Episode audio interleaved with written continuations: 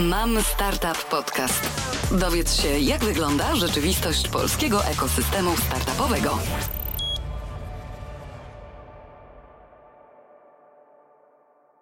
Startupy impaktowe to innowacyjna forma przedsiębiorczości skierowanej na rozwiązywanie istotnych wyzwań społecznych, podejmowana przez osoby działające z pasją w imię dobra wspólnego, które potrafią doprowadzić do wzrostu wartości organizacji, jakości życia ludzi i środowiska w ramach sfery swojego oddziaływania.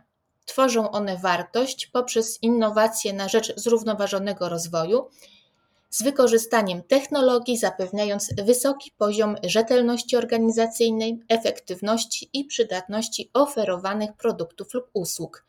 To definicja, którą znalazłam na stronie ranking odpowiedzialnych firm.pl. Dziś porozmawiamy o tym, czy startupy impaktowe to moda, czy szansa na zmianę. Przed mikrofonem Katarzyna Krogulec, redaktor Mam Startup, a moimi gośćmi są doktor habilitowany Bolesław Rok, profesor Akademii Leona Koźmińskiego, dyrektor Centrum Badań Przedsiębiorczości Pozytywnego Wpływu oraz współautor rankingu Pozytywnego Wpływu. Dzień dobry, panie profesorze. Dzień dobry. Dorata Matczak, CEO startupu Fibox, który oferuje nowoczesną terapię wad postawy u dzieci z leczeniem w domu pacjenta lub w gabinecie. Cześć Dorota. Cześć. Oraz Adrian Mikoń, CEO inkubatora technologicznego Youth Business Poland. Czy dobrze Was wszystkich przedstawiłam? Cześć Adrian w ogóle. Tak, dzień dobry, cześć. Dzień dobry, cześć, witam. Cześć, ja tylko bym chciała sprostować, że spółka nazywa się Philips, a urządzenie nazywa się Philips. Ach, okej, okay. dobrze, takie dostałam y, tutaj, tak dostałam y, w mailu, więc tak przeczytałam, to już wtedy teraz wiem. Nie szkodzi, nie szkodzi, nie szkodzi. Więc zaczynamy. Mm, pierwsze pytanie, które jest właściwie tematem naszego spotkania. Czy startupy impaktowe to tylko moda, czy realny wpływ na środowisko i społeczeństwo? Co mówią na ten temat y, badania, panie profesorze? Znaczy, to oczywiście jest takie pytanie z gatunku retorycznych, y, ponieważ um, oczywiście startupów pozytywnego wpływu jest coraz więcej, więc można powiedzieć, że to jest taka moda, ale to, że to jest moda, to nie znaczy, że to jest coś złego, bo moda też może być pozytywna, to jest po prostu trend, ale także to jest, y, myślę, konieczność, ponieważ świat ma do wykonania trochę pilnych zadań a właściwie my mamy do wykonania w tym świecie.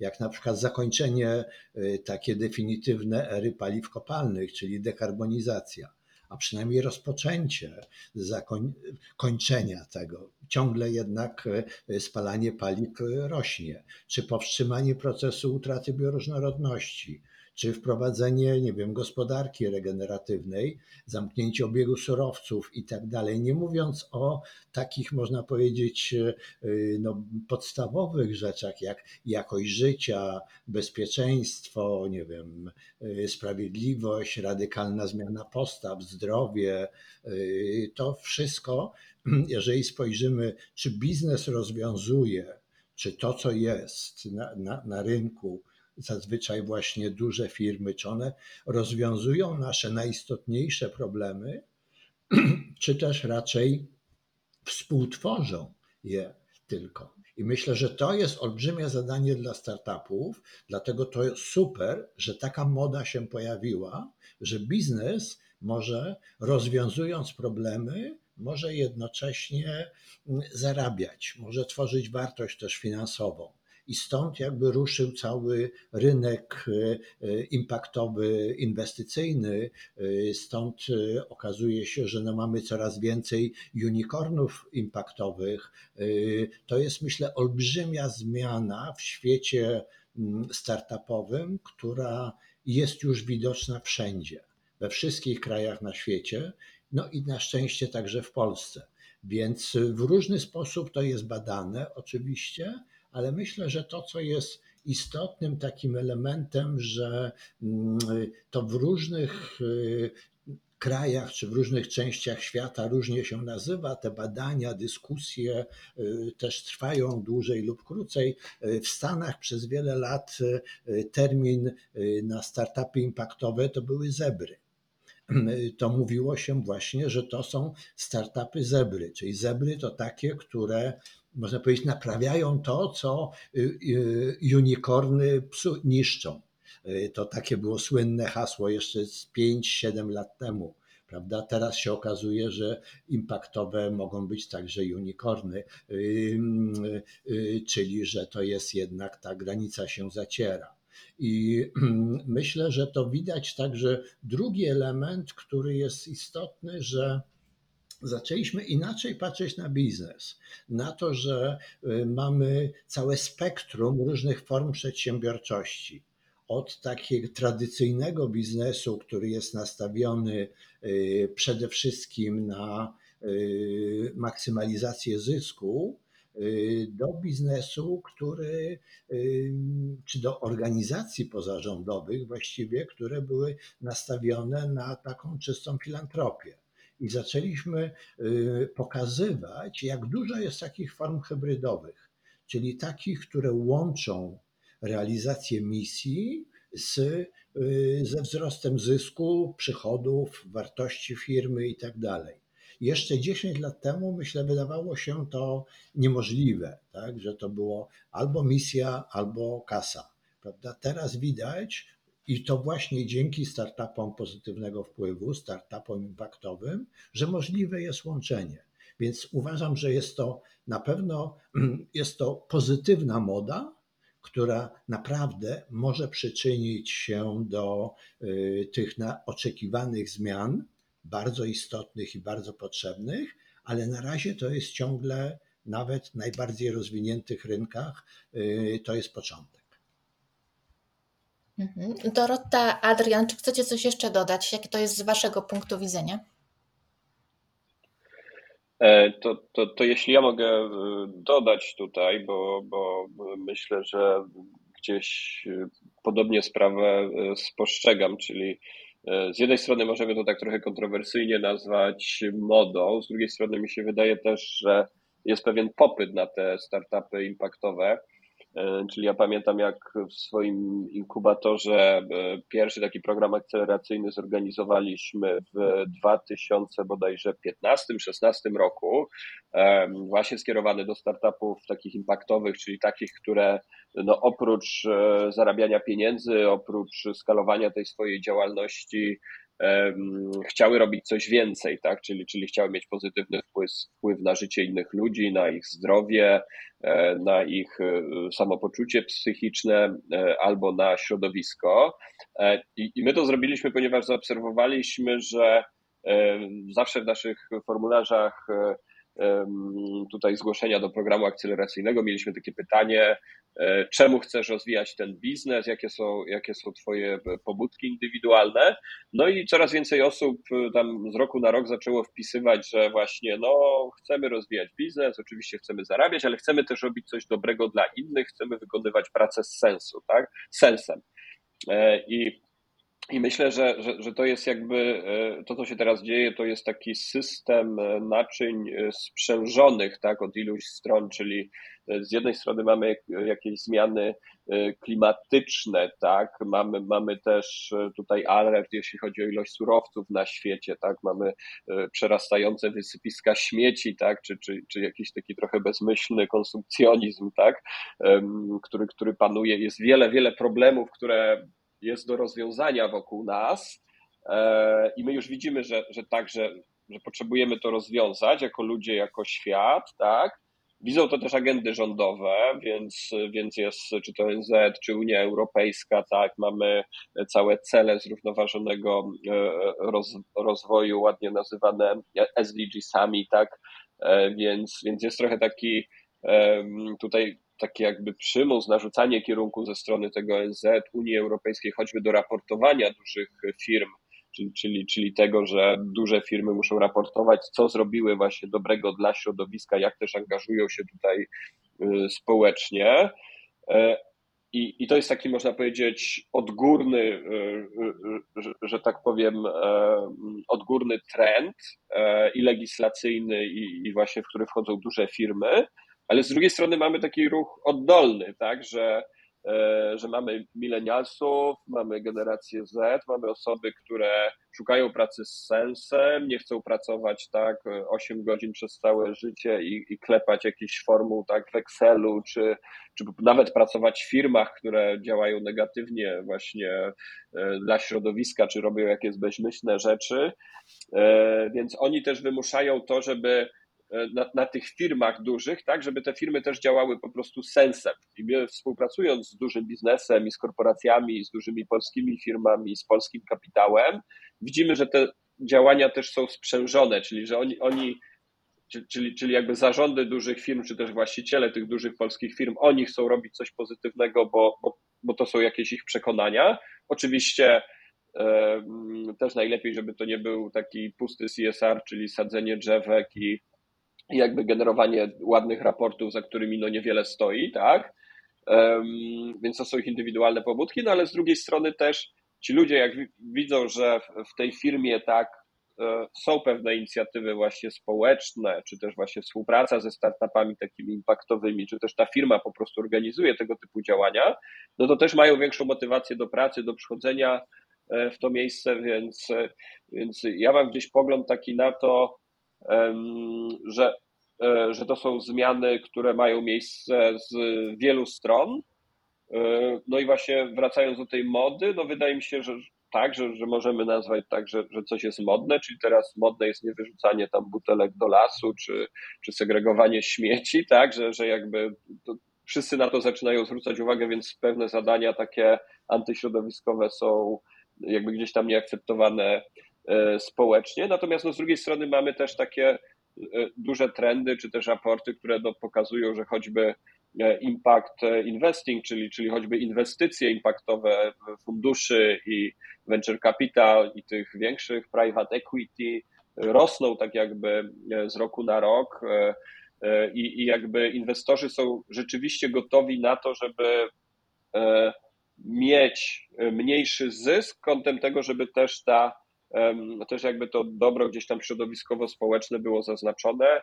W 2021 ten rynek to, to było 2,5 tryliona dolarów, tak? Do 2031 e, e, szacuje się oczywiście, to są szacunki, że to będzie 6 trylionów dolarów, tak? Więc to są gdzieś bardzo duże e, jakby sumy, no i coraz więcej inicjatyw takich właśnie powstaje, gdzie też ci inwestorzy chcą właśnie zainwestować, wspierać społecznie, czy choćby niedawno miałem jakieś spotkanie, rozmowy z Kanadą, e, z, z, akceleratorami, które tam powstają w różnych właśnie dziedzinach, też najczęściej impaktowych.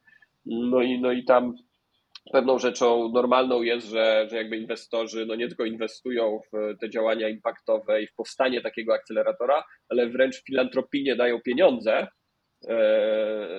ze swoich nadwyżek, żeby powstał taki akcelerator, który zatrudnia tak 20-25 osób i to są cztery akceleratory w czterech dziedzinach i wkładają te pieniądze po to, żeby ten impact gdzieś tam się zwiększył i roz, rozumieją, że muszą po prostu e, wesprzeć coś takiego, czy też chcą. Więc widać, że no, te trendy też na świecie, czy też na zachodzie są też dużo większe, dużo bardziej rozwinięte. W Polsce też już to widać, ale myślę, że jeszcze dużo pracy E, tutaj u nas e, jest do wykonania. Mhm. Jak obecna sytuacja gospodarcza i problemy z pozyskaniem finansowania wpływają na startupy impaktowe w naszym kraju?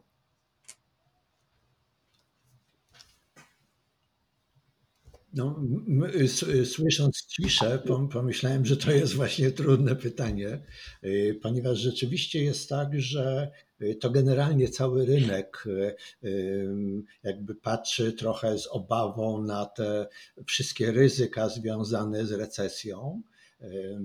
I to nie tylko w Polsce. Widać, że ten poziom e, inwestycji spadł, e, że e, w niektórych firmach zaczyna się jakby mówić bardziej wyraźnie o tym, że musimy, nie wiem, zrezygnować z tych długoterminowych planów, no choćby związanych z dekarbonizacją, bo teraz tutaj jest, no, są bieżące tematy, musimy utrzymać, nie wiem, poziom sprzedaży, zatrudnienia i tak dalej. Więc e, to jest generalnie trudny czas, ale to jest jednocześnie czas, w którym właśnie innowacyjne rozwiązania mają olbrzymią szansę, żeby się przebić. I to zazwyczaj tak jest, że właśnie jak spojrzymy choćby na dekarbonizację, czyli to, co się dzieje właśnie na tym rynku y, zmniejszających się, można powiedzieć, y, jakby zapotrzebowania na, na paliwa kopalne, no to pojawia się na przykład no bardzo wyraźne takie y, tendencje, Y, związane z y, powiedzmy z y, tą mobilnością elektryczną. I to jest cały obszar, jeżeli spojrzeć na, na, start, na startupy impaktowe o największej wartości, takiej rynkowej, czyli market cap, to rzeczywiście jest ich powiedzmy w pierwszej dziesiątce są głównie amerykańskie i chińskie, y, natomiast jest jeden europejski. Czyli y, startup impaktowy o największej wartości y, rynkowej to jest Nordvolt, szwedzki startup, który ostatnio wycenia się na ponad 12 miliardów dolarów. I to jest startup, który buduje właśnie swoją jakby ofertę związaną z bateriami elektrycznymi do samochodów elektrycznych, z akumulatorami i tak dalej, właśnie na tym, żeby zmniejszać emisje, żeby proponować rozwiązania dekarbonizujące cały cykl produkcji y, akumulatorów, później odzyskiwania i tak dalej, współpracując ze wszystkimi właściwie grupami motoryzacyjnymi. I oczywiście to jest tak, że jak popatrzymy na kilka innych takich startupów impaktowych, to wszystkie z nich bardzo szybko rosną. Tak? Czyli myślę, że to zależy właśnie od tego, w jakiej branży działa taki startup. Są pewne obszary, które wydają się absolutnie priorytetowe e, i w których rzeczywiście rozwój następuje bardzo szybko i nie widać żadnej trudnej sytuacji gospodarczej, znaczy nie ma wpływu ona na to. A są takie, w których widać. Prawda? I myślę, że jak spojrzymy na te główne obszary, yy, główne branże, w których startupy impaktowe się rozwijają, no to rzeczywiście w ramach climate techu yy, jest bardzo dużo szybko rozwijających się startupów ale też na przykład y, y, świat się rozwija, jakby ten startupów impaktowych y, szybko się rozwija, jeżeli chodzi o różne rozwiązania związane z systemem żywności. Wiadomo, że potrzebujemy tutaj gwałtownych zmian związanych i z rolnictwem, z pozyskiwaniem żywności, z, z żywnością roślinną, z innymi źródłami białka, całkiem inną dystrybucją i tak dalej, i tak dalej. I cały ten właśnie obszar y, y, takich właśnie food techów y, impaktowych bardzo szybko się rozwija wszędzie. Prawda? W Polsce doszliśmy na przykład do tego, że przy jednej z y, y, takich y, spotkań inwestycyjnych, w których uczestniczyłem, właśnie gdzie przedstawiało się kilku, kilka startupów plant-based food, czyli od produkcji żywności roślinnej, to właściwie okazało się, że ten rynek już jest tak mocno wypełniony, w stosunku do tego, co było 2-3 lata temu, że w tej chwili główne wyzwanie jest dla tych startupów, jak wyróżnić się ze swoją produkcją roślinnej żywności, ponieważ w każdym obszarze, czy to mleka, czy mm, produktów zastępczych dla mięsa, czy nawet przecież dla jajek, y, nabiału, jogurtów i tak dalej, już jest cała gama produktów. Jeżeli przypomnimy sobie, co było, nie wiem, 5 lat temu, to było zero prawda? Więc y, i to cały czas się rozwija. Więc myślę, że są takie obszary, które są na tyle priorytetowe, że ani recesja, ani obawy przed, czy obawy przed, związane z recesją, kryzysem gospodarczym nie przeszkadzają, a wprost przeciwnie, napędzają ten rynek innowacyjnych rozwiązań, bo widzimy, że recesja jest znakiem, dla mnie przynajmniej, także w ogóle dla wielu przedstawicieli nauki, recesja jest znakiem, że ten system, y, taki powiedzmy starego paradygmatu gospodarczego, wyczerpuje się. Potrzebna jest radykalna zmiana i to właśnie startupy impaktowe niosą tę zmianę. Więc uważam, że tak, wiele firm będzie miało coraz większej, więcej problemów. Wiele z tych tradycyjnych, dużych firm upadnie y, w wyniku coraz trudniejszej sytuacji, ale dzięki temu rozwiną się właśnie startupy impaktowe i coraz więcej także w Europie, gdzie jest ciągle niewiele, będziemy mieć tych unicornów impaktowych na rynku. I może w końcu w Polsce kiedyś. Adrian, chcesz coś dodać? E, tak, tak. E, no, mi tu się wydaje, że też, też jakby jest taka perspektywa trochę rynku, tak, który i ten rynek jest cykliczny, tak. U nas, jeśli jeszcze znowu też spojrzymy w, z perspektywy polskiej, e, w dużej mierze wypełniony pieniędzmi jednak publicznymi i unijnymi, tak? E, więc, więc mamy teraz przejście tych, tych dwóch jakby programów unijnych. Rusza teraz dopiero e, nowa perspektywa unijna od 2023 roku.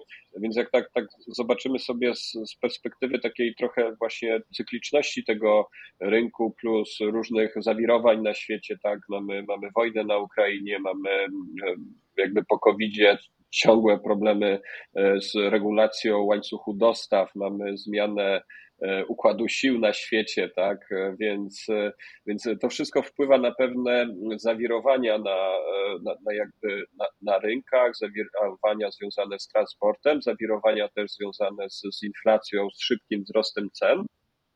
E, no i choćby, e, e, choćby też ten rynek polski, ale to, to też światowy, tak, no aczkolwiek polski też jest no jednak uważany tutaj za, za, za ten, gdzie to ryzyko gdzieś tam tych inwestycji jest większych, więc, więc odpływ kapitału też, też był częściowy gdzieś tam z Polski.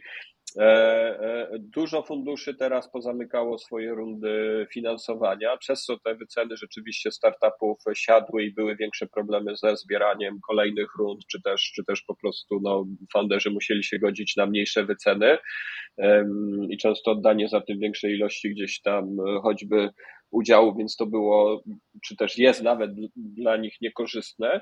Natomiast no, to jest jakby cykliczne, tak? Więc trochę tu jak profesor Rok e, e, wspominał, e, te startupy, które są tak zwane hot, tak, czyli gorące, które mają klientów, które się rozwijają, tak, no to, no to one gdzieś tam to finansowanie mogą pozyskać i tak je pozyskają w mojej ocenie i widzę, że te firmy sobie dobrze radzą. Oczywiście mają pewne wyzwania i mają pewne problemy, natomiast no też jakby no ten rynek jest cykliczny, tak? Teraz ruszają wszystkie programy, e, tak jakby scale-upowe, platformy startowe.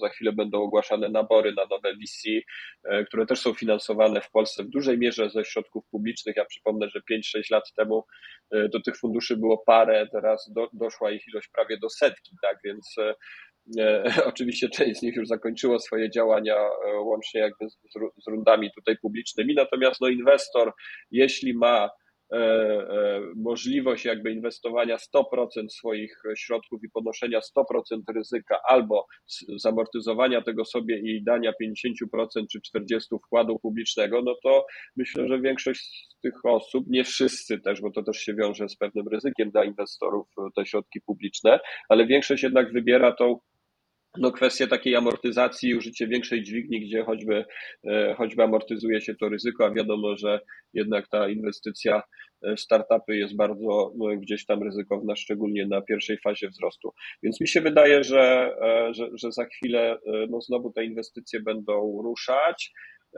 Też pamiętajmy, że nie tylko w Polsce możemy szukać tego finansowania i wiele startupów szuka go za granicą, więc jestem dobrej myśli, z optymizmem patrzę w przyszłość, że że jakby ci, co chcą, to, to, to jakby i, i rozwijają startupy, które no rzeczywiście mają jakąś trakcję, które szukają sprzedaży, a nie tylko tak zwanego startupowania, czy też prześlizgiwania się z grantu do, do jakby kolejnego jakiegoś finansowania, a też pamiętają o klientach i o sprzedaży, to, to myślę, że oni sobie dadzą radę i, i poradzą. Głos zabierze teraz Dorota Matczak. Prosimy, prosimy Dorota.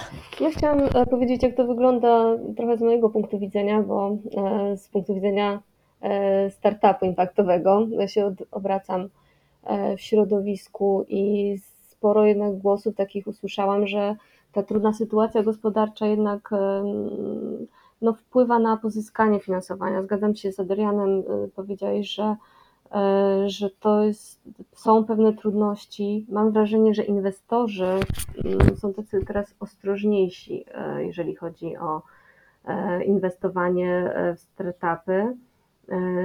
Jest to trudniejsze niż nawet dwa lata temu.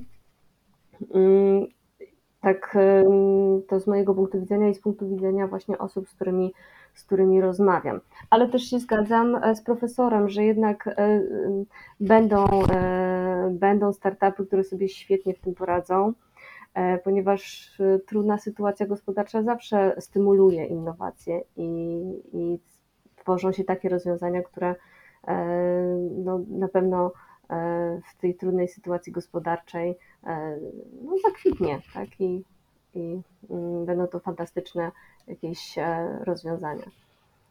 Czy trudno jest pozyskać finansowanie od y, VC, będąc startupem impactowym? Tutaj powiedzieliśmy już trochę o sytuacji gospodarczej, że teraz rzeczywiście jest to e, zupełnie inna sytuacja, ale gdybyśmy przenieśli się na przykład do roku 2019, no, nie mamy za wiele dedykowanych w tym obszarze VC w Polsce. Tutaj Adrian wspomniał, że na świecie jest y, coraz lepiej z finansowaniem mm, takich startupów, ale jak ogólnie wygląda sytuacja, czy wcześniej na przykład w tym wspomnianym roku 2019 y, startupy miały większy problem niż startupy technologiczne, które rzeczywiście przynoszą większe korzyści inwestorom?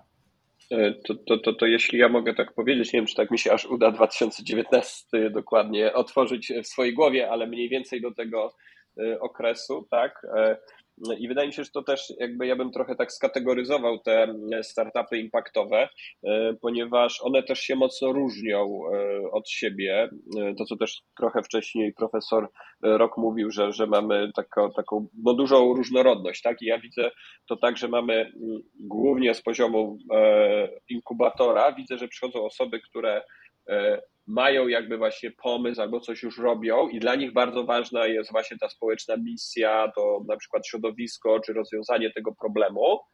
I często to mogą być osoby, które mają mniejszą wiedzę biznesową, czy dla nich mniej ważny jest ten biznes, E, I, I tu rzecz jasna, my jako inkubator staramy się im właśnie dać więcej tego wsparcia biznesowego, wytłumaczyć zasady rynku, wytłumaczyć, jak rozmawiać z inwestorami, e, powiedzieć więcej o skalowaniu biznesu i, i o takich kwestiach, że tak powiem, właśnie biznesowych, na które oni zwracają mniejszą uwagę. A druga osób to, to tacy, można powiedzieć, startupowcy, starzy wyjadacze, czy właśnie osoby z biznesu, które zobaczyły pewną niszę rynkową i wiedzą lepiej, jak się obracać w tym świecie biznesowym i co za tym idzie rozwijać po prostu firmę i budować firmę, która ma zdrowe nawyki, szuka szybko e, klientów i, i myśli gdzieś tam o skalowaniu tej, tej firmy, tak? No i w zależności od tego, gdzie jesteśmy, oczywiście nie, nie jest tak, że jest ktoś tak typowo po jednej stronie lub, lub, lub, po drugiej, tylko mamy też ludzi pomiędzy, no to, no to też widzę, że takie osoby mają e, większą na przykład łatwość w pozyskiwaniu tego kapitału lub większą trudność, tak? E, nie wszyscy też chcą e, że tak powiem, oddać udziały inwestorom i wybierają właśnie taką ścieżkę wolniejszego wzrostu, aczkolwiek dla nich bezpieczniejszego i gdzieś tam E, spokojniejszego, bo, bo, bo, bo, bo też tego typu trend widzimy w niektórych jakby startupach i founderach, founderkach. E, I jeśli chodzi o ten rok 2019, to wydaje mi się, że wtedy były dwa albo trzy takie fundusze w Polsce, które gdzieś bezpośrednio były skierowane do jakby startupów impaktowych. I ja nie wiem, czy to jest tak, czy tu można liczyć na jakąś ulgę. Znam paru inwestorów impaktowych, takich, no, takich angeli, którzy rzeczywiście mówią, że na przykład inwestują tylko w startupy impaktowe, są świadome tego mniejszego zysku, czy, czy że on będzie wydłużony w czasie. I rzeczywiście e, oni to robią świadomie i to są gdzieś tam ich decyzje takie trochę prywatne, trochę związane z ich wartościami. I to jest super, że, że też tacy ludzie są. Natomiast też na koniec mi się wydaje, że, że każdy jednak oczekuje zdrowego wzrostu tej firmy, e, no i tego, żeby jednak no, ta biznesowa działalność e, e, miała miejsce i żeby taka firma no, choćby nie zapadła się nad ziemię, no bo żeby ona, pod ziemię, bo żeby ona rosnąć, no musi też coś sprzedawać, też coś robić i oprócz tego generować ten impact, czyli to, co jest celem jej działań, więc, więc tutaj no, ja, to, ja, ja to tak widzę, jeśli chodzi o taką sytuację rynkową. Ja, ja bym tutaj dodał, że rzeczywiście ta różnorodność jest bardzo duża, zarówno po stronie inwestorów, jak i po stronie startupów bo to rzeczywiście inne kryteria są stosowane przez mm, aniołów biznesu, czy anielice też, prawda? I to rzeczywiście w tym środowisku impaktowych y, y, aniołów dopiero się zaczyna ruch, prawda? I tak naprawdę to często jest tak, że to są bardzo osobiste preferencje w jakimś obszarze, które powodują, że ktoś decyduje się na inwestowanie czy na wsparcie procesu inwestycyjnego, często takie łączenie, prawda, z innymi funduszami. Inaczej to wygląda w momencie, jeżeli y, startup ma do czynienia z, y, no, z takim funduszem y, działającym na rynku polskim, prawda, który ma raczej niewielkie te etykiety i jakby szuka partnerów, szacuje to ryzyko i nie za bardzo jakby też jest w stanie mierzyć ten potencjalny wpływ startupu, ponieważ myślę, że to jest kluczowe dla globalnych inwestorów impaktowych, że oni oprócz jakby badania takiego mm, rynkowego, finansowego, patrzą też na różne elementy badania tego impaktu. Y, tego impaktu społecznego, środowiskowego, krótkoterminowego, długoterminowego, poprzez produkty, poprzez y, sieć zależności, różnych współpracy i tak dalej. To jest bardzo złożony rynek. My jakby jesteśmy dopiero na początku i jeżeli spojrzeć rzeczywiście, to tak jak Adrian mówił, jest tak, że jest wiele takich y, startupów, które nie są na tym etapie jeszcze, żeby były gotowe przyjąć y, duże inwestycje. Prawda? To są raczej na, na poziomie właśnie takich bardzo, można powiedzieć, misyjnie zorientowanych startupów, które przede wszystkim jakby starają się y, pozyskać klientów dla swojej misji realizowanych. To widać na przykład y, w branży edukacyjnej, y, także w branży właśnie podnoszenia jakości życia. Myślę, że właśnie no choćby tutaj właśnie Fibox jest też takim przykładem, prawda, właśnie yy, takiej pozytywnej zmiany, co, co niekoniecznie jest to taki, yy, nie wiem, przykład błyskawicznie rosnącego startupu impaktowego, który powinien osiągnąć w perspektywie, nie wiem, trzech lat poziom, nie wiem, unicorna i następnie powinno być wspaniały exit wiele startupów jest właśnie nakierowanych, można powiedzieć, że są takie exit oriented, prawda? Czyli, że jakby starają się jak najszybciej pozyskać e, inwestorów, żeby w ciągu, nie wiem, pięciu lat na tyle, czy trzech nawet, na tyle zbudować wartość firmy, żeby się dobrze sprzedać i zacząć coś kolejnego. I to są seryjni startuperzy, founderzy, e, super ale myślę, że w środowisku impaktowym jednak większość, przynajmniej to, co widzę w Polsce, jest nastawiona na długotrwałe, mm, powolne budowanie rynku, bo my mamy ten problem, że rynek odbiorców, czy to korporacyjnych, czy indywidualnych, nie jest jeszcze w pełni gotów na tego typu usługi. My musimy budować ten rynek. Startupy pozytywnego wpływu, startupy impaktowe mają olbrzymią rolę edukacyjną dla rynku i dla y, przedstawicieli różnych firm, gdzie dopiero pokazujemy im nowe usługi, nowe produkty, do których oni muszą jakby zrozumieć trochę, że im się to przydaje, że im to rzeczywiście może zbudować wartość firmy, lojalność pracowników, to co Adrian mówił na początku właśnie o tych zmieniających się y, potrzebach pracowników. Myślę, że to jest bardzo istotne z punktu widzenia tych odbiorców B2B właśnie dla startupów impaktowych. To jest ciągle dopiero początek. Ten rynek zachodnioeuropejski czy amerykański jest znacznie lepiej przygotowany od tej strony klientów, konsumentów, prawda, niż polski. Więc dlatego stąd mamy tę różnorodność i stąd bardzo trudno jest generalizować odpowiedzi, y, prawda, y, na, na, na tego typu pytania. Tak, i tutaj powinniśmy dodać, że jednak wiele, jak nie większość startupów impaktowych jednak ma do czynienia y, z, z technologią. To są startupy technologiczne, bo jak rozmawiam z niektórymi, to raczej ludzie nie wiążą na przykład ekologii z technologiami, a to się już w tym momencie wiąże. Przykładem startupu chociażby takiego impaktowego, który ma związek y, z technologią jest przecież Fibox Doroty. I tutaj pytanie do Adriana. Adrian, czy uważasz, że startupy, które są impaktowe, a nie mają za dużo wspólnego z technologiami, mają szansę na finansowanie od y, funduszu i czy spotykasz w swoim inkubatorze takie startupy, które no nie są technologiczne, a są impaktowe? Czy się zgłaszają takie osoby do Ciebie? E, to znaczy, to, to, to, zależy trochę od kwestii technologii, tak? Bo jeśli, jeśli tak na technologię mm, e, e, spojrzymy bardziej z kwestii rynku takiego hardware'owego, czy też jakiegoś takiego deep techu, tak? Czyli rzeczywiście pewnych rozwiązań takich fizycznych, tak? No to, no to takich startupów jest trochę, trochę mniej, tak? I, I może im być też łatwiej na pozyskanie tego finansowania, jeśli jakaś konkretna technologia za tym stoi, która jeszcze nie może być skopiowana, czy też nie może, e, czy też może zostać opatentowana i tak dalej, no ale w ogóle też sam ten rynek sobie hardware'owy też, też tu ciężej w ogóle o inwestycje, bo, bo to się też często wiąże albo z bardzo dużymi inwestycjami, albo z wolniejszą stopą zwrotu, więc inwestorzy no najchętniej inwestują w jakieś SASy, w jakieś aplikacje różnego rodzaju, w internetowe biznesy, e, mm, programy, tak, no, które da się gdzieś tam szybko skalować na cały świat. To jest ten taki, można powiedzieć, idealny, e, idealny gdzieś tam profil tutaj inwestycyjny.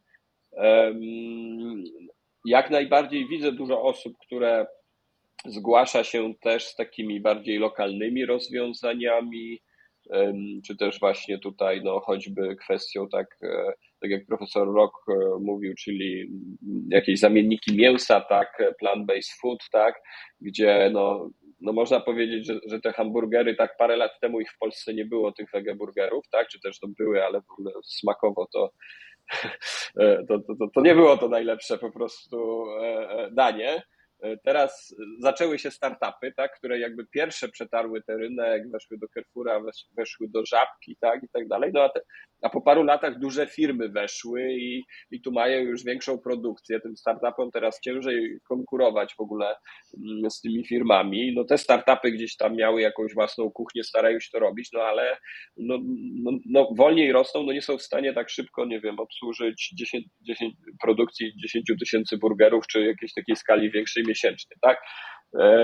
Więc no tu jest pewien taki, taki, taki problem trochę, że, że jakby im się jest ciężej skalować, czy też ciężej pozyskać tą inwestycję. No i, no i widzę też dużo takich oddolnych e, rozwiązań, tak, związanych na przykład, nie wiem, z, z dowożeniem e, żywności, tak, e, E, tutaj na przykład na Mazowszu, tak, e, czy też właśnie tak, takie rozwiązania typu lokalny rolnik, tak, że, mm, że, że jakby to są bardziej, czy, czy, czy na przykład ekotargowiska, tak, e, gdzie, gdzie są to biznesy, które widzą tak, że ok, idziemy w stronę ekologii, to ta żywność jest w coraz gorszej formie, w coraz gorszym składzie, nie chcę tu straszyć, ale no, pryskana pestycydami, nie wiadomo czym, tak, choćby pszenica, no i tak naprawdę no, pakujemy w siebie pełno chemii. No i, no i ludzie mogą to starać się rozwiązać od budowy jakiegoś e-commerce'u, które robi dobry chleb, tak? No i teraz pytanie, czy my to możemy nazwać startupem? No wydaje mi się, że nie, że, że jeśli przyjmiemy definicję, że startup to jest coś skalowalnego, szybko rosnącego, e, no to jak spojrzymy z tej perspektywy, no to no bardziej to jest biznes jakiś odpowiedzialny społecznie, tak? No i, no i dużo właśnie następuje takiego trochę przemieszania. No ale mamy na przykład startup Karmnik, który też jest naszym alumnem, też brał udział właśnie w akceleracji w Mazowian Startup. E, no i, no i jest to platforma, która po prostu dowozi, e, e, dowozi tutaj jakby zdrowe warzywa, owoce, produkty od rolników lokalnych na Mazowszu, skracając ten łańcuch dostaw na, na Mazowszu, czyli ok, bierzemy to, co jest lokalne, dowożą to do Warszawy, no i już pozyskały nam ponad 500 tysięcy na crowdfundingu, myślą o skalowaniu, myślą innowacyjnie i myślą o skali, tak? Więc więc widzę tu też no, dużo takich e, rozwiązań, e, no ale nie zawsze to, czasem są to bardziej takie mikrobiznesy, które starają się coś rozwiązać lokalnie, e, no ale też moim zdaniem zasługują na wsparcie i zasługują na jakąś uwagę, no i też takie wbije trochę kij w mrowisko, że, że brak wsparcia często dla takich osób, bo jeśli jesteś startupem, to wszyscy tutaj akceleratory, inkubatory do ciebie idą, ale no, ciężej tu o wsparcie. Kończę tylko myśl.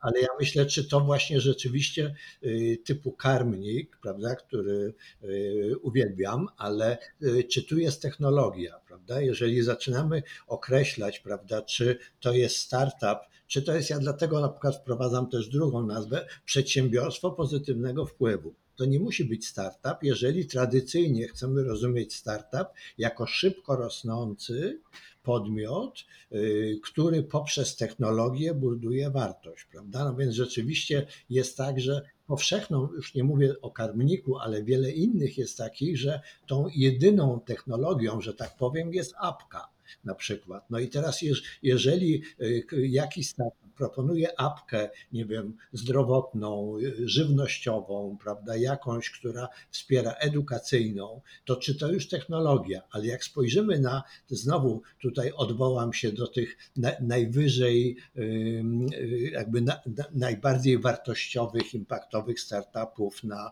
y, rynku europejskim, to oprócz tego szwedzkiego y, Nordvolt, który wspominałem, jest francuski Doctolib, y, który jest właściwie apką medyczną, taką jakby do edukacji zdrowotnej, ale też do, do relacji ze wszystkimi lekarzami i tak dalej. Jest to francuska, mm, francuski startup, który jest, można powiedzieć, drugi w kolejności, bo jest gdzieś powyżej 8 miliardów e, euro jego wartość rynkowa.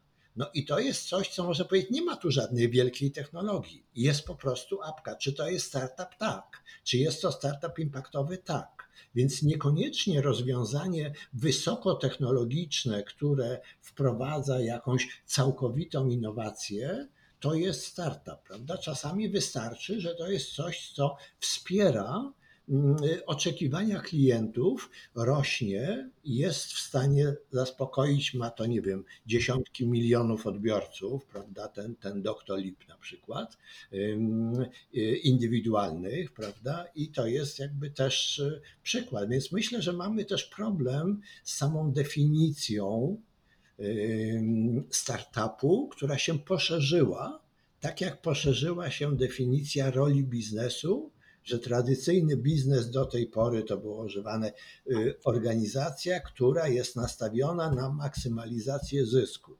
I nagle się okazało, że to wcale nie jest definicja biznesu. Więc być może trzeba zweryfikować definicję startupu, patrząc z punktu widzenia impaktowego, ponieważ coraz więcej startupów, które wcześniej nie były impaktowe, teraz zaczynają się nastawiać właśnie na impact, no bo taka moda, ale także dlatego, że widzą, że taka potrzeba społeczna, potrzeba y, biznesowa istnieje na rynku. Adrian, widzę po uśmiechu, że się zgadza, ale chcę coś dodać. Tak, tak, tak, bo, bo, bo ja właśnie też, też tutaj, no właśnie odnośnie tej technologii, tak, bo w pełni tu się zgadzam, że właśnie tak te, te, te firmy nieskalowalne, tak, czy też bez tej technologii możemy nazwać właśnie przedsiębiorstwem pozytywnego wpływu, czyli taką firmą, która w jakiejś swojej skali mniejszej, większej będzie działać, tak, nie zawsze natomiast, y, tu powiem, występuje ten, ta unikalna technologia w startupie, tak? Więc ja bym tu bardziej kierował się w stronę, bo rzecz jasna tych definicji jest wiele, tak? W stronę unikalnego rozwiązania, które jest skalowalne, no bo, bo, bo jakby jeśli weźmiemy te startupy takie największe nasze polskie czy światowe, które gdzieś tam albo są już unicornami, albo za chwilę nimi będą, i zobaczymy sobie na przykład takiego znanego lekarza, tak, no to to jest no proste jak konstrukcja cepa, nie? W sensie tworzą marketplace, tak, i, i, pomagają ludziom umówić sobie lekarza. No to no tu nie ma żadnej unikalnej technologii, oprócz tego, że postawili apkę i skutecznie wyegzekwowali to, żeby to się rozwinęło w Polsce i na całym świecie i szybko idą do przodu, skalują się i pozyskują kolejne rundy, tak, ale to ani nie było pierwsze rozwiązanie, ani nie, był, ani nie jest ostatnie. Masę tego było za granicy, za granicą też podobnych rozwiązań, ale jednak im się udało czy, czy, czy jeśli weźmiemy no, cały ten software, tak, gdzie mówimy, no jeśli chcesz tworzyć aplikację, no to ta aplikacja musi rozwiązywać jakiś problem albo szybciej, albo skuteczniej, albo taniej. No i to są te trzy rzeczy, które jeśli tworzymy aplikację, to na które powinniśmy zwrócić uwagę. No i weźmy kolejne Booksy, tak, czyli, czyli już prawie unicorn, tak, nasz, nasz, nasz polski, ale też globalny. Um, i, i, I też Stefan Batory tworząc Booksy nie był pierwszy na rynku, tak? Często inwestorzy pytają, no ale to już jest już takie rozwiązanie, no to już nie masz szans, nie? W sensie, no, no, no, no wcale, że nie, no jestem zdania, że, że bardzo wiele rozwiązań jakby gdzieś tam powstało i wyprzedziło konkurencję właśnie na skutek albo egzekucji, albo founderów utalentowanych, albo osób, które e, no, są w stanie pociągnąć po prostu mm, rozwój tego, e, te, tego startupu. Mamy tu przykłady obuwie, tak? Sprzedają buty, z perspektywy CCC, które gdzieś tam rośnie, e, e, ma pewne zawirowania gdzieś tam finansowe, rynkowe w związku z COVID-em, w związku z dużymi inwestycjami. Inwestycja w e-obuwie okazała się takim złotym gralem, bo to e-obuwie teraz bardzo dynamicznie rośnie, rozwija się i tak dalej. No, no jest to e-commerce, nie? A, a jednak gdzieś tam skalują się na rynki międzynarodowe.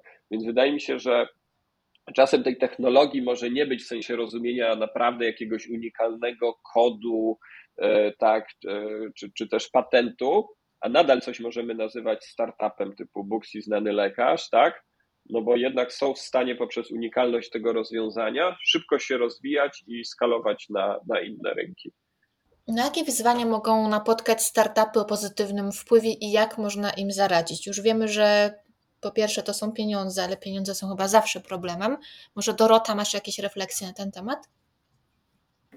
No, tak jak powiedziałaś, pozyskanie finansowania to, było, to była moja pierwsza myśl, e, jeżeli chodzi o takie mm, wyzwania, które napotykają startupy, ale e, też chyba ten balans pomiędzy misją a, a zyskiem bo jednak e, faktycznie mm, startupy próbują znaleźć e, tą równowagę, czyli, czyli ta misja, ten cel społeczny jest e, dosyć istotny, ale mm, nie ma co się oszukiwać, że zyski finansowe muszą w pewnym momencie się pojawić i tutaj z takiego mojego doświadczenia to jest taki, takie duże wyzwanie.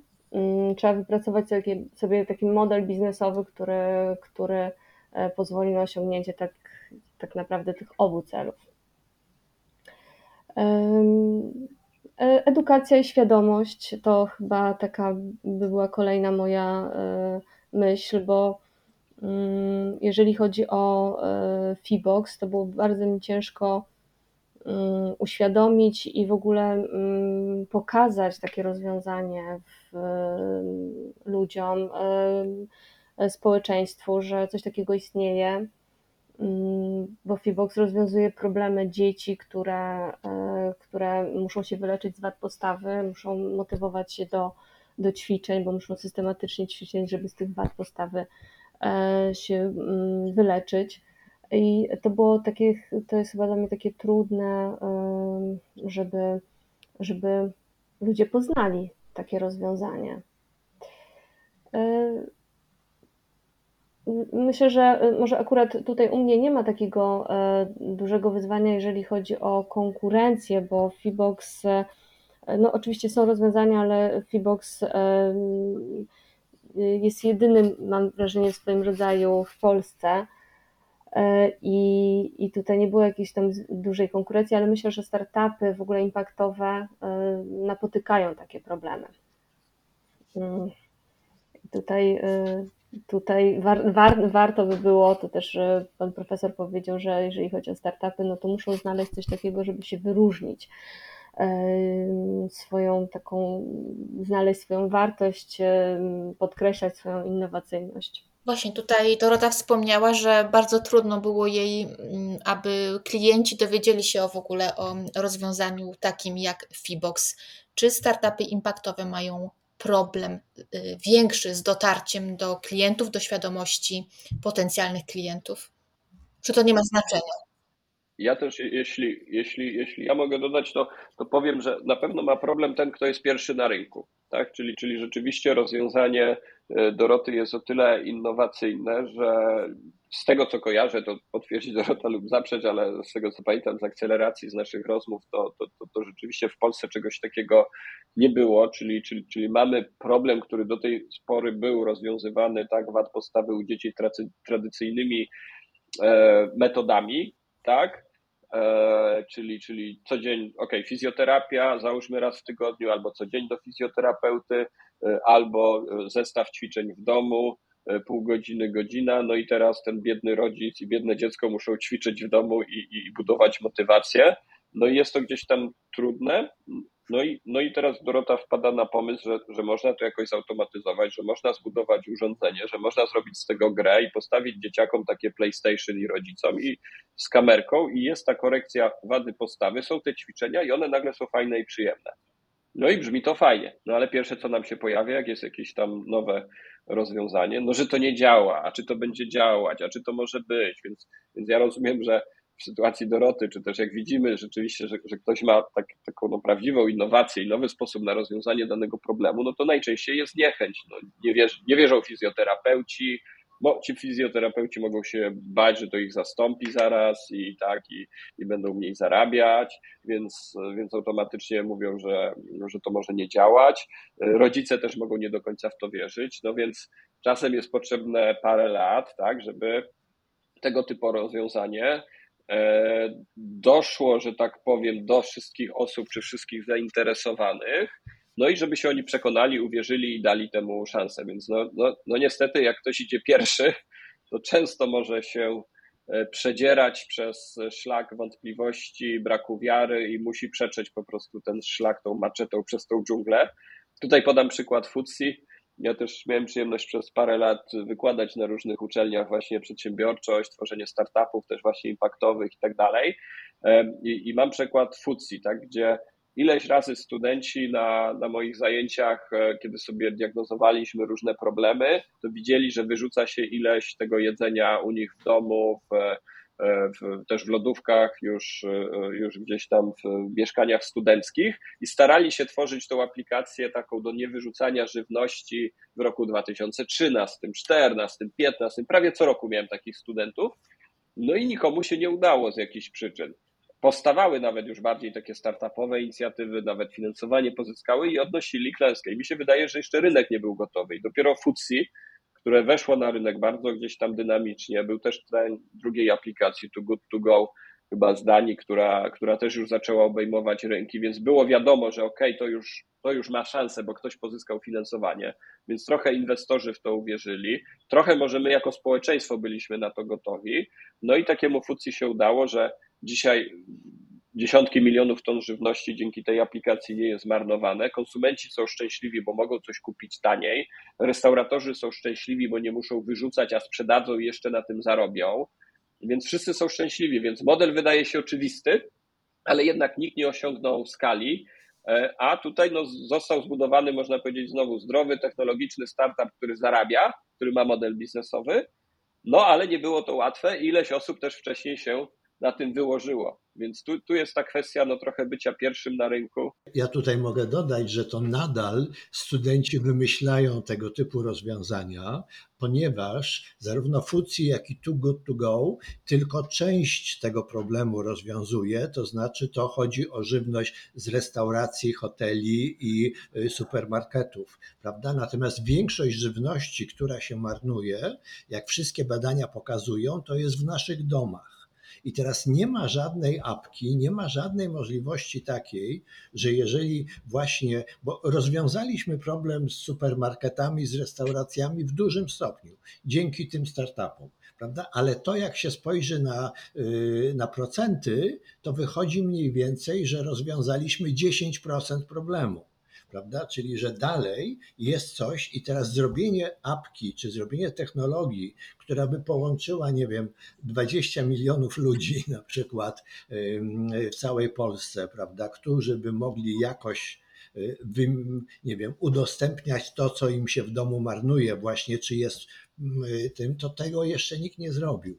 Więc myślę, że jest dużo takich rozwiązań, które się y, ciągle są przed nami, prawda? I to jest tak, że rzeczywiście z punktu widzenia inwestora bardzo często słyszymy, że rynek nie jest jeszcze gotów tak?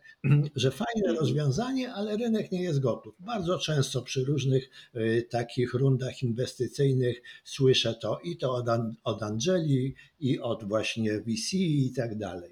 Myślę, że to, co też zaczyna się w tej chwili, co jest dużym wyzwaniem dla startupów, to jest to, że te globalne fundusze impaktowe, które zaczynają przyglądać się y, naszym startupom impaktowym, zaczynają je pytać o to, w jaki sposób mierzą ten swój impact.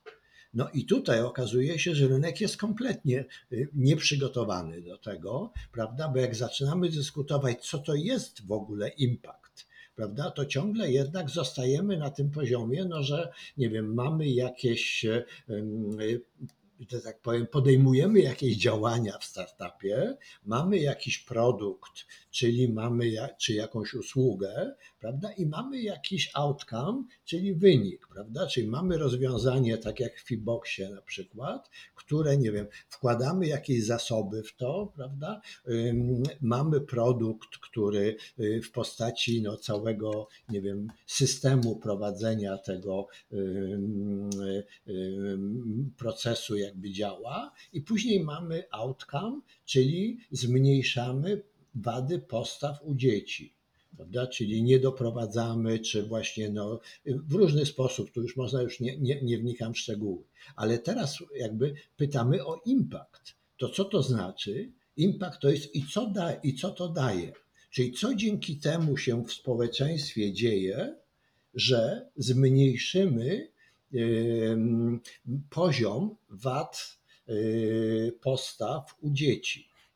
I teraz jak takie pytanie y, zadamy i zaczynamy myśleć o tym, że tak, no, zmniejszą się koszty leczenia, będzie lepszy, nie wiem, jakby bardziej całościowy, łatwiej będzie tym dzieciom się rozwijać w ogóle w takim całościowym podejściu, y, będzie łatwiej im funkcjonować na rynku pracy.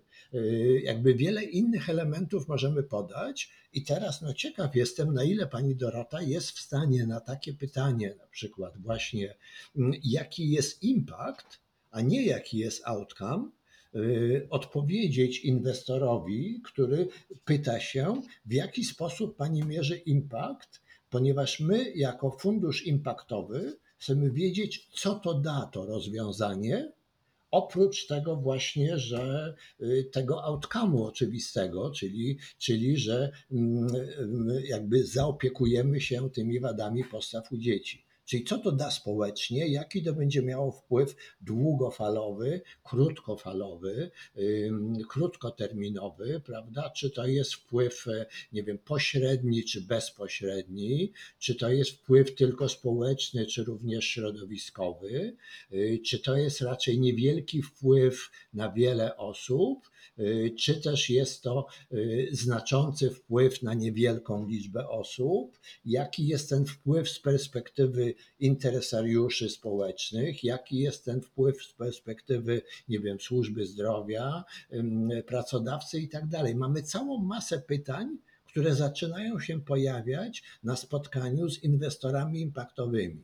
Do tego startupy impaktowe w Polsce w większości zdecydowanej nie są jeszcze przygotowane.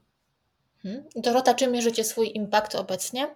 My w ogóle, jeżeli chodzi o mierzenie tych efektów, robiliśmy w taki sposób, że badaliśmy dzieci przed e, zastosowaniem e, Fiboxa, czyli dzieci z wadami postawy i e, mierzyliśmy ich po jakimś okresie terapii i jak to wpłynęło po prostu na ich ukształtowanie kończyn dolnych, napięcie mięśniowe.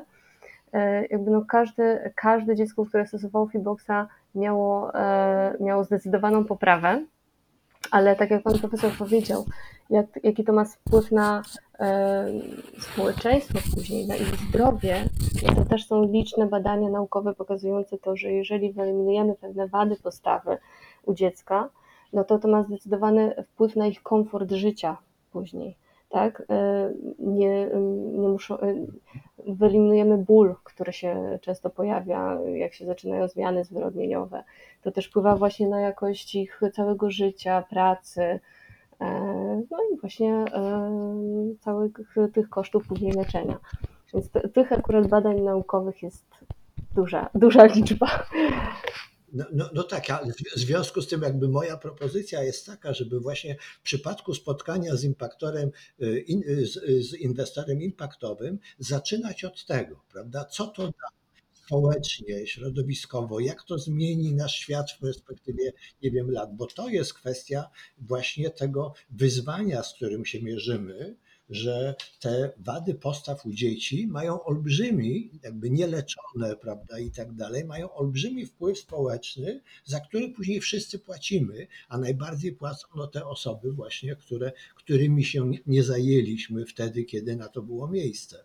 I myślę, że to jest bardzo ważne. Tak samo przy każdym innym startupie impaktowym można pokazywać właśnie w jaki sposób rozwiązujemy istotne wyzwanie społeczne. I teraz istotne wtedy pytanie pojawia się, czy to jest nasz wpływ bezpośredni, czy pośredni, jak zmierzymy ten nasz wpływ. Czyli co musimy zrobić, jak, jak powiedzmy mm, wyskalujemy naszą działalność, że będziemy obsługiwać 100 e, tysięcy dzieci, to jak zwiększy się nasz wpływ społeczny, regionalnie, globalnie i tak dalej. To są pytania, które zaczynają się pojawiać. To jest metodologii badania impaktu jest mnóstwo. Na razie jest to ciągle bardzo niejednoznaczne. Y, także y, inwestorzy impaktowi mają swoje metodologie. Y, to dopiero się zaczyna. Dla wielu będzie to wyzwanie na najbliższe 2-3 lata. Adrian, proszę. Tak, e, ja myślę, że to jest bardzo dobry kierunek, tak? W sensie, i tu też mówiliśmy trochę o wyzwaniach e, startupów e, impaktowych. No i część z nich właśnie jest tak zajętych impaktem. No, no i w ogóle no, prowadzenie startupu jest jednym wielkim wyzwaniem, bo, bo, bo musisz robić wszystko tak naprawdę od rekrutowania zespołu, po, po, po rozmowy z inwestorami, po sprzedaż, po udoskonalenie produktu, marketing i tak dalej. No, no jednym z takich wyzwań jest właśnie marketing czy, czy, czy komunikacja, tak? Że, że są osoby e, i są startupy, które pięknie potrafią i, i to trochę jeśli chodzi o tą modę, tak, e, być modne, tak, czyli, czyli nie mają jeszcze tego rozwiązania, to to w ogóle rozwiązanie jest takie jeszcze miałkie, wątpliwe, albo naprawdę było parę innych, które ma więcej już w tym swoim MVP, czy więcej do pokazania, większe sukcesy obejrzało, a gdzieś tam jest o nich cicho. A są tacy, którzy zbierają konkursy, rzeczywiście e, e, im się udaje gdzieś tam wygrywać, tak, czy, czy być na pierwszych stronach mediów, wygrywać, e, przodować w rankingach, bo mają świetny PR, tak. I tu rzecz jasna, no trzeba być trochę E, jakby ostrożnym, tak, no ale no, no tutaj myślę, że też i inwestorzy i, i, i, osoby, które współpracują z tymi firmami, no to, e, to, to jakby widzą, czy też sprawdzają gdzieś tam z kim współpracują, ale tu mamy też pewną modę, gdzie rzeczywiście na tej zmianie świata, zmianie środowiska niektórzy potrafią się pięknie wybić. No a są takie firmy, które mają super rozwiązanie, robią to już, sprzedają nawet i mają problem gdzieś tam z tym PR-em, marketingiem. I tu wydaje mi się, że E, rzeczywiście takie mierzenie tego impaktu, czy też w ogóle edukacja nas może jako środowiska i z jednej strony taka naukowa, właśnie uniwersytecka, czyli to, co robi profesor Rock, czy też może właśnie inne inkubatory, akceleratory, mogłyby pokazać, czy też promować pewne mierzenie tego impaktu, no bo choćby jak sobie właśnie obliczymy, że to, że ktoś będzie miał zdrową e, postawę, będzie mógł uprawiać sport, to wpływa pozytywnie na nasze zdrowie psychiczne, fizyczne, więc może państwo też będzie musiało mniej e, dołożyć tak, do, e, do, do lekarzy, tak, do, do leków, które tak teraz jeszcze będziemy mieli już wszyscy wszystko finansowane, więc, więc to jest też oszczędność dla państwa, tak, więc jeśli tak sobie spojrzymy na to z tej perspektywy, no to jesteśmy w stanie choćby może pozyskać większe finansowanie, czy to dla tego typu funduszy, czy to może pozyskać jakichś filantropów, którzy będą finansować też w większym stopniu e, tą, tą dziedzinę, czy, czy choćby niedawno rozmawiając tam z podobną organizacją do naszej z, e, z, z Japonii, dowiedziałem się, że istnieje tam cały jakby system, że bardzo dużo e, Japończyków ma nadwyżki pieniędzy trzymanych na kontach, zresztą podobnie jak my Polacy, te pieniądze są nieinwestowane gdzieś tam.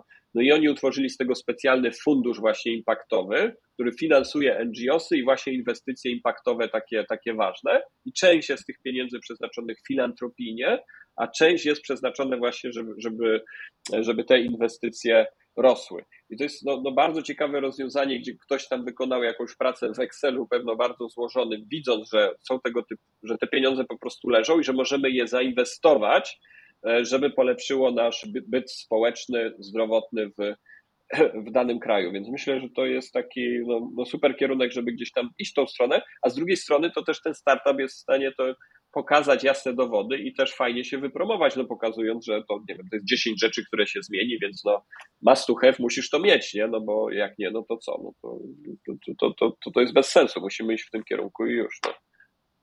Adrian, jak jesteś jeszcze przy głosie, to mam dla Ciebie kolejne pytanie. Z jakich form wsparcia mogą korzystać startupy impaktowe? No to ja myślę, że, że, że te formy wsparcia, wsparcia są bardzo podobne mm, do tych form, które które mają też normalne startupy, tak? czyli, czyli są to programy akceleracyjne.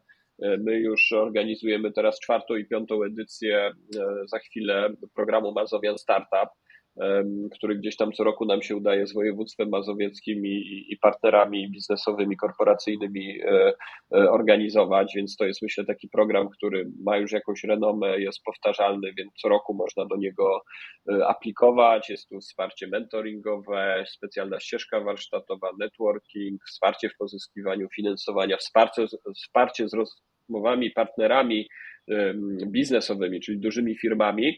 I to jest też bardzo fajne, bo te duże firmy, ci nasi partnerzy, jak na przykład Rolixus Logistic, największa polska firma logistyczna, oni są też nastawieni z jednej strony na startupy, innowacyjność, ale oni chcą rzeczywiście wspierać, czyli mają trochę te takie pobudki misyjne związane z ich CSR-em, z ich odpowiedzialnością społeczną, więc też pewne rozwiązania po prostu wdrażają, bo widzą, że na przykład im pomaga w optymalizacji łańcucha dostaw, tak, albo wspiera taki ten obieg zamknięty, czyli ten circular economy, tak. Więc jakby to, to, to są myślę też bardzo fajne rozmowy i fajne rzeczy się dzieją pod kątem takiej e, współpracy właśnie duży biznes i, e, i, i, mały startup i, i, i że czasem ciężko im się połączyć, ale dzięki takiej akceleracji są w stanie budować i tworzyć fajne rzeczy. Są to różnego rodzaju programy e, mentoringowe, do których też te startupy mogą się zgłaszać. Mm, no i no tak, no wydaje mi się, że mało jest takich e, inicjatyw gdzieś tam stricte do startupów impaktowych ciągle w Polsce skierowanych. E, no ale parę jest, no plus no, niczym nie przeszkadza, żeby też te startupy impaktowe no, chodziły na inne programy akceleracyjne, czy do innych programów też dla normalnych startupów, tak? Więc jakby no, ten rynek jest gdzieś tam otwarty, ale warto też czasem, jeśli jest coś właśnie dla startupów impaktowych, no to skorzystać z jakiejś specjalizacji, z jakiegoś zawężenia. E, też, też tu myślę, profesor Rok też, też ciekawe rzeczy właśnie z, z Koźmińskim z LK robi, e, ale to nie będę tu może już wchodził w nie swoje buty. może profesor powie. No, ale, ale to może dodaj, że ty również uczestniczysz w tym jury. A i uczestniczę, tak. W którym wybieramy co roku właśnie już od pięciu lat te startupy pozytywnego wpływu, najciekawsze, y, które jednak y, staramy się promować w różny sposób, y, współpracując i z sieciami aniołów biznesu, i z inwestorami i tak dalej. Powoli to się rozwija w Polsce, więc natomiast no rzeczywiście to jest ciągle bardzo powolny rozwój. Myślę, że potrzebujemy to robić znacznie szybciej, w znacznie większej skali, więc dlatego zachęcamy wszystkich do przyłączenia się. No właśnie, panie profesorze. A tak, ale jeszcze, tak, tak, jeszcze chciałem dodać, tak, tak, bo e, tu pomiędzy jeszcze sobie przypomniałem, że też są różne konkursy startupowe, tak, jest jakby Startuj z Mazowsza, czy Innowator Mazowsza, gdzie też organizujemy czasem te konkursy, czy jestem w jury i tam też specjalnie wnioskiem takiej trochę komisji oceniającej, widząc też, że coraz więcej tych zgłoszeń impaktowych wpływa, zrobiliśmy specjalną kategorię. Województwo ją zrobiło, żeby właśnie była osobne zgłoszenia dla startupów impaktowych, e, więc warto to też śledzić. Jest e, konkurs ING dla startupów impaktowych, Huawei Startup Challenge, który też co roku się organizuje. Chyba niedługo na jesieni będzie ruszał, więc myślę, że, że jest parę tych inicjatyw i, i warto to e, śledzić, bo, bo, no bo tworzy się ten ekosystem taki z roku na rok coraz większy. Mhm. I to jest jaka, jakby podwójna szansa, bo można być jednocześnie startupem impactowym i health-techowym, tak jak Fibox, i zgłaszać się do akceleracji czy konkursów, czy do y, funduszów impaktowych, ale jednocześnie takich, które na przykład w health-tech y, inwestują. Y, panie mm, profesorze, czy świat nauki wspiera startupy impaktowe? Wiemy, że tak, ale chcemy posłuchać. Y, no tak już w największym skrócie. Oczywiście y, to jest y, z punktu widzenia sustainability management, zarządzania zrównoważonym rozwojem, czy zrównoważonego zarządzania, z punktu widzenia całej tej fali legislacyjnej, jak to mówią, tsunami legislacyjnego Komisji Europejskiej w obszarze ESG, to staje się coraz ważniejsze i widzimy, że to wiele firm dużych dużych firm właśnie zobowiązanych do raportowania y, właśnie y, w ramach tego standardu zrównoważonego rozwoju, zaczyna interesować się tym właśnie w jaki sposób mierzyć swój wpływ na środowisko społeczne, przyrodnicze i tak dalej. I właśnie tutaj się otwiera wiele takich możliwości y, współpracy i myślę, że to jest chyba najciekawszy obszar taki w tej chwili, czyli jak budować współpracę y, ze, y, pomiędzy dużymi firmami a startupami impaktowymi, aby ten impact rzeczywiście udawało się skalować y, tak, żeby to wykorzystywać zasoby dużej firmy. I tutaj te wszystkie partnerstwa typu B2B2C, gdzie jednak startup dostarcza jakieś rozwiązanie, która duża firma jest w stanie sprzedać to na olbrzymim swoim rynku konsumenckim, myślę, że to jest takie rzeczywiście bardzo ciekawe y, rozwiązanie i szuka się teraz, jakie powinny być cechy y, dobrego partnerstwa, które sprzyja tym modelom B2B2C prawda? Bo to jest rzeczywiście y, trudne i myślę, że także z perspektywy startupów, które próbują nawiązywać relacje z dużymi korporacjami, właśnie we wspieraniu dużych korporacji, to jest ciekawe, właśnie wspieraniu dużych korporacji w realizowaniu właśnie no, tych swoich celów zrównoważonego rozwoju. I startupy mogą tutaj dużo wnieść właśnie poprzez innowacje na rzecz zrównoważonego rozwoju, a wiadomo, że innowacje właśnie się tworzą przecież Y, w startupach, w mniejszych firmach, w ośrodkach badawczych, a nie w dużych korporacjach. Natomiast te korporacje są potrzebne do tego, żeby je skalować. Y, nie tylko, żeby inwestować w startup, ale także, więc myślę, że to jest bardzo ważne i dlatego jestem tutaj optymistą i mogę na zakończenie powiedzieć, że Jestem absolutnie przekonany, że te startupy y, przyczynią się do i poprawy jakości na życie, naszego życia i jakości środowiska, no bo kto jak nie one i kiedy jak nie teraz. I kończąc już naszą rozmowę, chciałabym zapytać Państwa, czy startupom impaktowym uda się zmienić świat na lepsze? Ja myślę, że bardzo istotne jest myślenie właśnie y, nie tylko startupów impaktowych, ale w ogóle wszystkich przedsiębiorców właśnie o tym pozytywnym wpływie.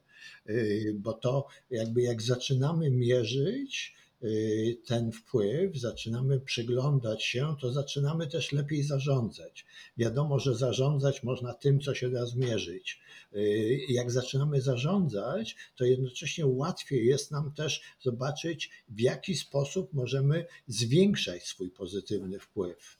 I ten pozytywny wpływ dla naszych klientów, y, dla naszych inwestorów, dla pracowników, dla partnerów, dla społeczności lokalnej, dla środowiska przyrodniczego, czyli możemy sobie uświadomić, że tak naprawdę y, zarządzanie pozytywnym wpływem to jest właśnie czynienie świata lepszym prawda? I wtedy odchodzimy od tego myślenia o tym, że przedsiębiorczość, biznes polega na tym, żeby maksymalizować korzyści dla właściciela, tylko idziemy w stronę, że, y, żeby szukać y, takich rozwiązań, które przynoszą i korzyści właścicielom, inwestorom, pracownikom, ale także wszystkim innym interesariuszom, bo rzeczywiście, jeżeli chcemy przetrwać w tym świecie, to y, przede wszystkim zależy to od przedsiębiorców. Bo to, to, to, to nie politycy, y, nie organizacje pozarządowe, ale to właśnie przedsiębiorcy mają największy wpływ na to, w jakim świecie żyjemy. Myślę, że coraz więcej osób sobie to uświadamia. Mhm. Dorota, czy masz jakieś refleksje na temat, czy ten świat ma szansę być lepszy ze startupami impaktowymi? Tak, mam. E, jeżeli chodzi o startupy impaktowe, no to one same w sobie zostały stworzone dlatego, że chciały coś zmienić. E, miały jakąś misję do wykonania, jakiś cel w tym, więc e, już uważam, że każda, każda taka misja, która chce zmienić w społeczeństwie czy w ekologii, świat, no to chcę go zmienić na lepsze. To, to pierwsza moja taka myśl. E, zarówno e, jak obserwuję startupy takie mniejsze, jak na przykład chcą mm, lokalnie wpłynąć na, na jakieś rozwiązanie problemu, no to prowadzą do jakichś szybkich zmian, czy tam właśnie w społeczeństwie, czy w regionie. E, ale też te, które chcą właśnie wpłynąć e, tak światowo, e, być skalowalnym.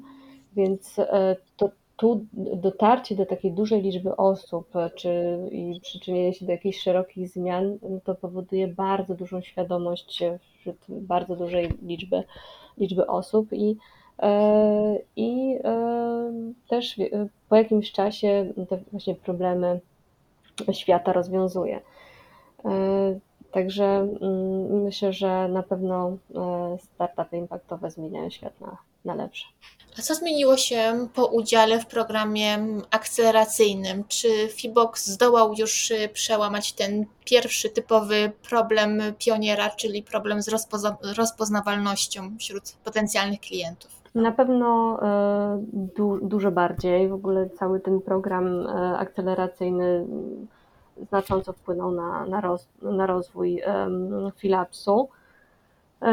Przede wszystkim te szkolenia, które, które odby, odby, odbyłam i, i wsparcie, które, które uzyskałam w tym programie akceleracyjnym w różnych obszarach, jak marketingu, czy, czy w zarządzaniu, e, czy pomoc w strategii, w stworzeniu od nowa modelu biznesowego spowodowało, że E, tak ugruntowałam sobie wiedzę, e, zwiększałam swoje umiejętności e, i, i przez to te wszystkie, mm, ta cała wiedza poprzez te szkolenia i wsparcie spowodowało, że, że faktycznie zwiększył się nasz zasięg, nasza rozpoznawalność, bo zupełnie inaczej zaczęliśmy w ogóle też pracować inaczej też docierać do naszych klientów i to powodowało ich wzrost i nawet w taki sposób, że klienci sami zaczynali się do nas odzywać. E, na pewno wygrane, które, które były, wygrałam główną nagrodę w kategorii Social Impact w Startuj z Mazowsza, no i part, nagrodę partnera w Mazowian Startup. Więc to też właśnie wpłynęło na to, że zostaliśmy zauważeni przez społeczność i ten zasięg, zasięg się zwiększył. Mhm, no, też e, nie, nie mogę też zapomnieć, zapomnieć o wsparciu e, mojego mentora, e, który właśnie pomógł, pomógł mi jakby mm, spojrzeć inaczej trochę na, na ten, ten mój startup, zrobić krok wstecz, żeby, mm, żeby kompletnie E, zweryfikować swój model biznesowy, e, zobaczyć jego mocne i słabe strony. E, to spowodowało, że naprawdę zupełnie tak wystartowałam. Musiałam zrobić krok wstecz, ale, ale jednak to spowodowało, że, że bardzo się rozwinęłam i rozwinął się nasz startup.